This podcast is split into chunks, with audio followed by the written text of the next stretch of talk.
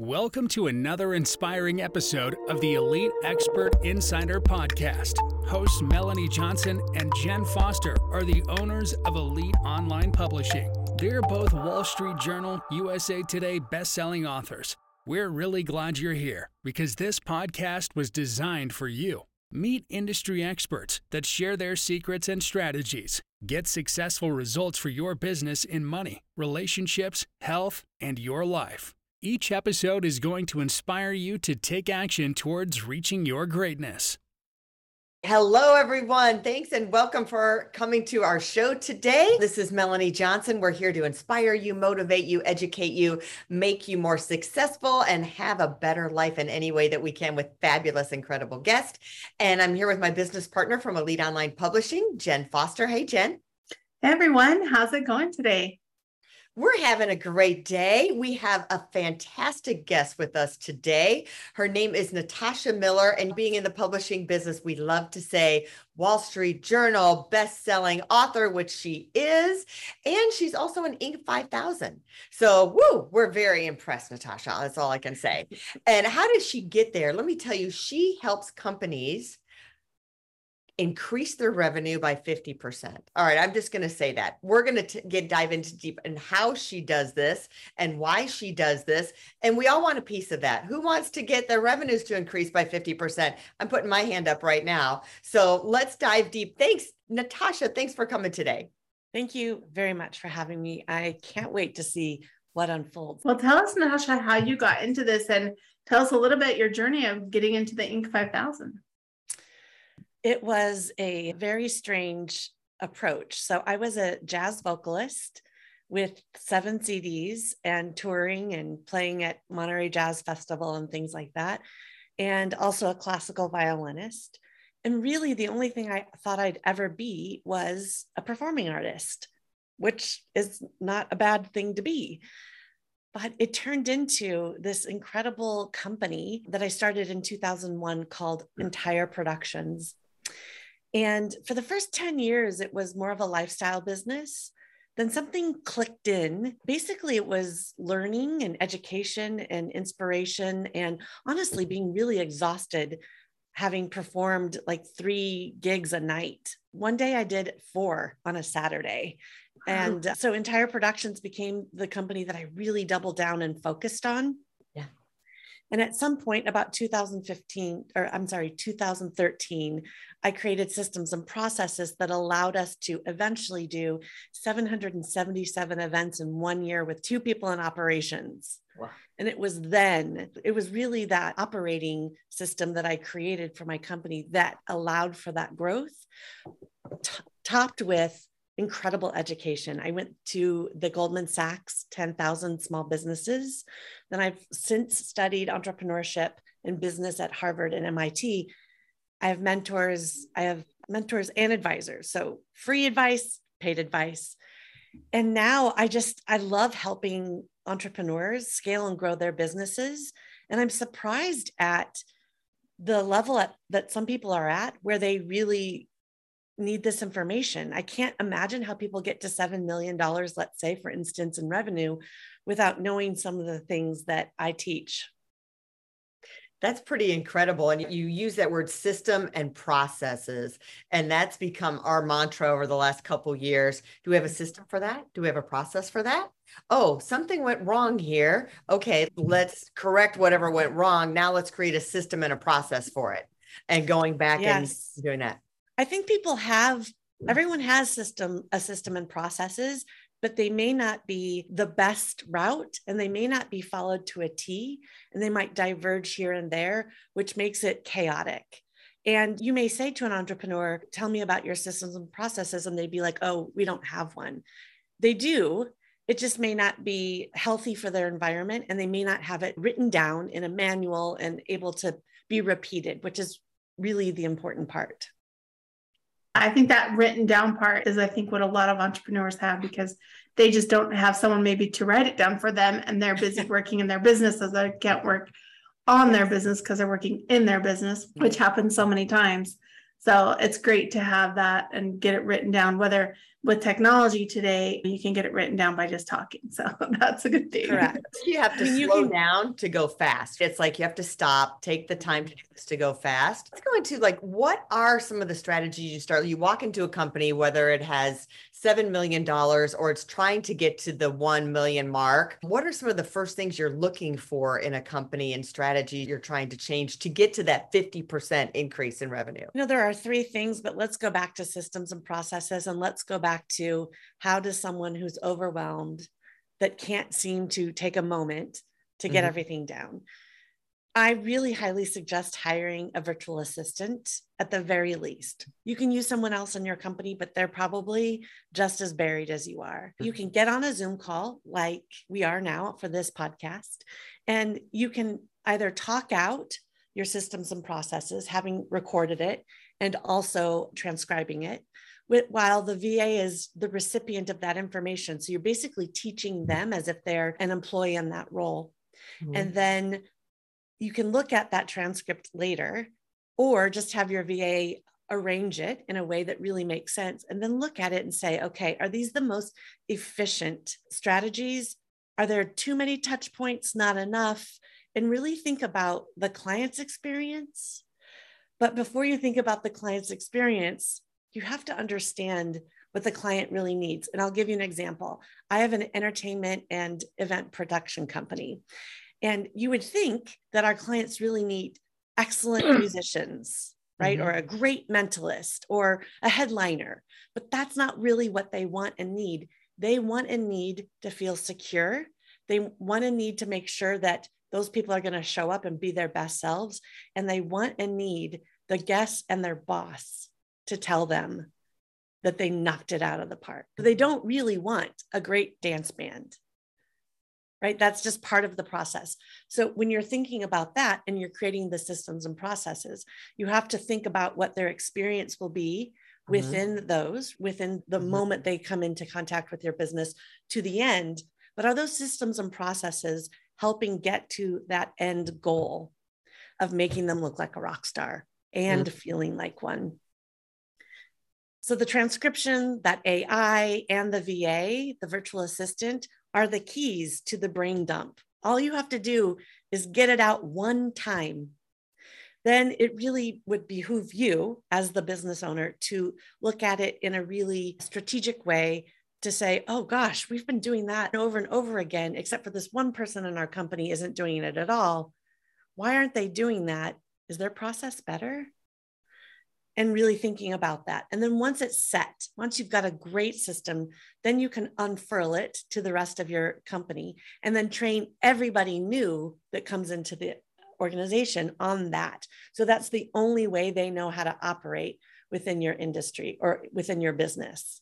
There's mm-hmm. almost, it's a little overwhelming to me as you started saying that. I'm like, there's so many different processes, like even in our business, right? We were just going through our invoicing, reoccurring invoices that were like, oh, wait, there's a bunch of drafts in here. What are these doing in here? So there's multiple layers. It'd be great to have a list of everything I just wrote down. You've got accounting, you've got sales, you've got delivery Yep. of your product. But then within those, there's all these little multiple layers. When we do a book, there's all these different things within delivering a book that have to be done and looking at each of those systems. So it's creating almost before you do the interview, creating that list. And I'm going to throw out one of our top secret weapons that you're going to get to use when they're talking to that VA and you're saying, well, have it transcribed. We use a tool for our authors called Otter. Mm-hmm. O T T E R, and it does live transcription. So you get the audio and it transcribes in real time. So mm-hmm. in case it's not perfect, and then you go back and you have it all written while you're doing it live, and the VA can highlight things in there that, oh, this is one, so that it makes it so much easier to make that outline for them. You have to get the right VA also that is able to take something like this and then put it into a structured manifestation. Mm-hmm. I use fireflies.ai. It's similar to Otter and it's wonderful. They're just, there's so many tools out there and they're inexpensive, especially when you consider what they actually are doing for you. They're saving hours and hours of time. For sure. So once you have this and then you've gotten this list of things that you need for your systems and processes, sometimes you don't know how to make it better, right? Do you need someone to say, okay, this is great, but I'm not sure the best system? Like you can put a system in place. I think you even mentioned this, but it might not be the best system. Mm-hmm. So how do you go about finding out and fine tuning it to make it the right system and process? you have to listen, listen to your employees, but also make sure that they know that you want to hear from them. And I'll give you an example of this. For a couple of years, we had this very sophisticated system that I built within Salesforce that allowed us to do that ridiculous number of things. And in an all hands meeting, one of my salespeople said something to the effect of I called all the artists on the morning of their event. Or she emailed them and I said, Why on earth are you doing that? And she said, I want to make sure they understand what is expected of them and that they show up. I'm like, uh uh-uh, uh that is not going to work. I don't want you to have to do that on a Saturday morning, or I don't want you to have to do anything that's repeatable manually. So we set up an SMS texting that would go out to the artist that said, Hello, Gabriel, you have a gig tonight, and all the information. And then we also took it one step further and sent out a text at a certain cadence in the morning, eight o'clock for the client, not eight o'clock for the artist. Mm-hmm. It said, Hello, Jen. We're so excited to do the event with you. Expect our team at whatever. It was all parsed out and automated. Nobody had to ever do an email or a call again to an artist. Yeah, automating your systems is like that second step, right? So after you know yeah. what your systems and processes are, how do we automate that so we're not manually doing everything all the time? We and, automate every single low touch, repeatable mm-hmm. thing in our business. And I, so you asked earlier, how do you know that they're the most important and do they work? You have to give your employees permission to tell you when they get stuck or when they're doing something repeatable and allow them to pull your company forward and give them the kudos out loud to everyone for fixing that. You also have to listen to your vendors and your mm-hmm. clients. They will let you know when they're having a pain point with you. And instead of discarding it, you have to take into consideration okay, is it just this one person and their special personality? Or is it a few people and they all are saying the same things? That's a pretty good indication that you need to fix something. That is so true. Gosh, because I like the feedback that you're going to give when you're when you're doing that. And then what's the next step after systems and processes? So you're getting the systems down, which I understand because it's we asked ourselves that question too. What can we automate? What new automation can we add? So you start to automate, you get the mm-hmm. processes and systems, and then you're researching to find the correct automation and testing and measuring that and see how that works. So how does that transcend into dollars and cents for a company? And what's the mm. next step, maybe be behind systems and processes? Well, once you get your system and process down, and by the way, it's down for a certain amount of time. And then as you scale and grow, you will have to adjust them. It doesn't work yeah. for $1 million company to $10 million company. There are going to be changes that will happen, many changes throughout. So documenting them in a place where everyone knows where to find them. And for a long time, we used Google Docs. There is nothing wrong with Google Docs with attached to different links to other Google Docs and YouTube training. That is an incredible asset for any company. If you want to up level, there are a couple of there's many different things you can do, but there are two software companies that I love. One we're using for entire productions, it's called Trainual. And the other one is pretty new and looks promising. It's called Ask Arvo, A R V O. And you know, having that in a central located place. And if anyone asks a question, how do I do this? All I say in our Slack channel is check the onboarding training document. And when I train new people, I say to them, listen, this is going to be overwhelming. And in three to six months, when you have a question on how to do something, perhaps you haven't had to do it on your ramp up. Always think, go to the onboarding document, go to the onboarding document. So we mm-hmm. really just, and of course, they can ask questions of the group, but it's not fair to the group to be answering questions that can be easily found on mm. the onboarding and training document. I love that because then you're directing them to the same place. Everyone knows where it can be found, yes. and you're not trying to search for something. I don't know how much time is lost by companies searching, yeah. even for a Google Doc, or it used to be in a file folder system, but now oh, everything's online. And right. if you don't have folders and on your on your computers then yeah you need some help so the reason why these systems and processes and automations and where you put them and how accessible they are why that leads to scaling and growing is you're replacing now you're not firing people but you're replacing whole human beings whole jobs by doing these things. So you're you don't have to add headcount.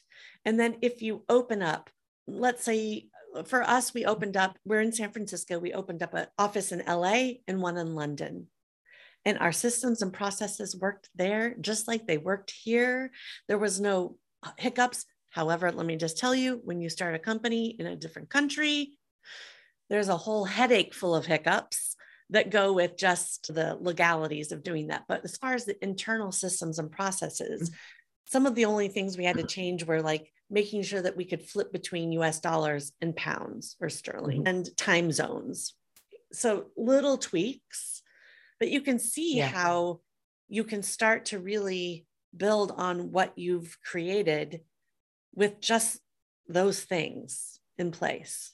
Yeah. Now you mentioned that, you know, we love to say, oh, we did it, it's one and done, and we never have to do it again. Okay, it's done, but you're like, no, you have to revisit this. How often should you re- be reviewing your processes and systems and maybe even mm-hmm. going through the same process with the VA to walk through all of them mm-hmm. again? I really think it depends on what kind of business you have how mm-hmm. intricate the systems and processes are, how many people you have, how many locations. I would say for me, entire productions, I don't do like an annual audit because any week somebody will come up with a this is broken. Why are we doing this way? I'm really, I tell my team, I can't afford not to know what pain points you're feeling. Mm-hmm. Ours is always being tweaked. Um, I'm a different kind of entrepreneur. I'm a different kind of CEO. I'm very much not micromanagement. And I really very much rely on my team to pull the company forward. And not only do I rely on them, but I let them take the credit for it. So I have a little bit different organization. I'm not super special by any means, but my ego has left the building, which is really important as an entrepreneur is to let go delegate, do the top three things or five things that you're just excellent at and that you love, and have everybody else do everything else. And I will say for the last two years, I have been working on my business, Entire Productions, and not in it day to day. I'm not managing people. I'm not working with clients one on one. I'm not responsible for more than 30% of what's going on. Anyway, I'm working about 20% of my time on that core business, which has allowed me to create all these new business segments in a completely different. This is mm-hmm. actually an LLC called Omnipreneur LLC, which houses many different new things. I think that's a great note to end on, just that wrap up. Okay, Where cool. can people go to find you and get more information? You can go to natashamiller.com. Love that. We'll put that in the show notes and they can go and can they also go on YouTube and see you perform? And I want to hear your violin and your voice. That sounds beautiful. Yes, I'm on Spotify. I'm on YouTube. Just yeah, Natasha Miller, and then vocalist. If you say violinist, some things will come up. But in the last few CDs that I've played, I am a side musician on my own record where I'm just playing like in a symphony form. Mm-hmm. Yeah, I'm not like a fiddler or yeah, I'm not doing any major solos on my records. Yeah, more jazz. I love that. That's great. Awesome. Thank you, Natasha, for coming today. Some really super great content. I hope it was useful to everyone. And remember, if you're looking to write a book, contact us at Elite Online Publishing. We guarantee you'll be a number one bestseller. We'll see you next time. Have a great week, everybody. Bye. Hey, are you looking to increase your revenue, build credibility, and elevate your brand? This podcast is brought to you by Elite Online Publishing an innovative publishing and full spectrum marketing company. They will publish and market your book to make it a number one bestseller. Becoming an author is the best way to market your business. So contact them at eliteonlinepublishing.com today. All of their authors become number one bestsellers.